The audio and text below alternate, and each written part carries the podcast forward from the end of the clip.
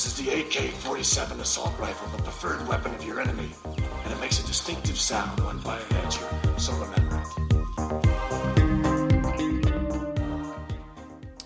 De eerste keer dat geallieerde soldaten de sirenes onder de Duitse Stuka-duikbomwerpers hoorden, zorgde dat voor paniek. Had je die aanval eenmaal overleefd, dan werd het al snel achtergrondsruis. Een waarschuwingssignaal voor de grondtroepen om dekking te zoeken. De enigen die nog echt last hadden van de huilende hoorn van de bommenwerper waren de Duitse piloten zelf, omdat het ze afleidde van hun uiteindelijke taak. In het leger heeft geluid een bijzondere betekenis. Neem bijvoorbeeld de onderzeeboot, waar je alleen een beeld kunt vormen op basis van het geluid dat je opvangt. Maar geluid kan je positie verraden. Het vertelt je dat je dekking moet zoeken of intimideert je tegenstander. Als dienstplichtig militair werd ik bestuurder van een Leopard 2 gevechtstank.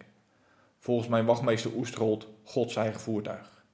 Het gevoel van macht dat me bekroop zodra ik de 1500 pk motor met een enkele druk op de knop startte en de 50.000 kilo staal in beweging bracht, ben ik nooit vergeten.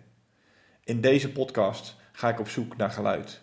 Van een accuracy-schot, de draaiende toren van een infanteriegevechtsvoertuig, een voetpatrouille bij nacht, de ademhaling van een kickforceman tot aan de wieken van een Chinook-helikopter.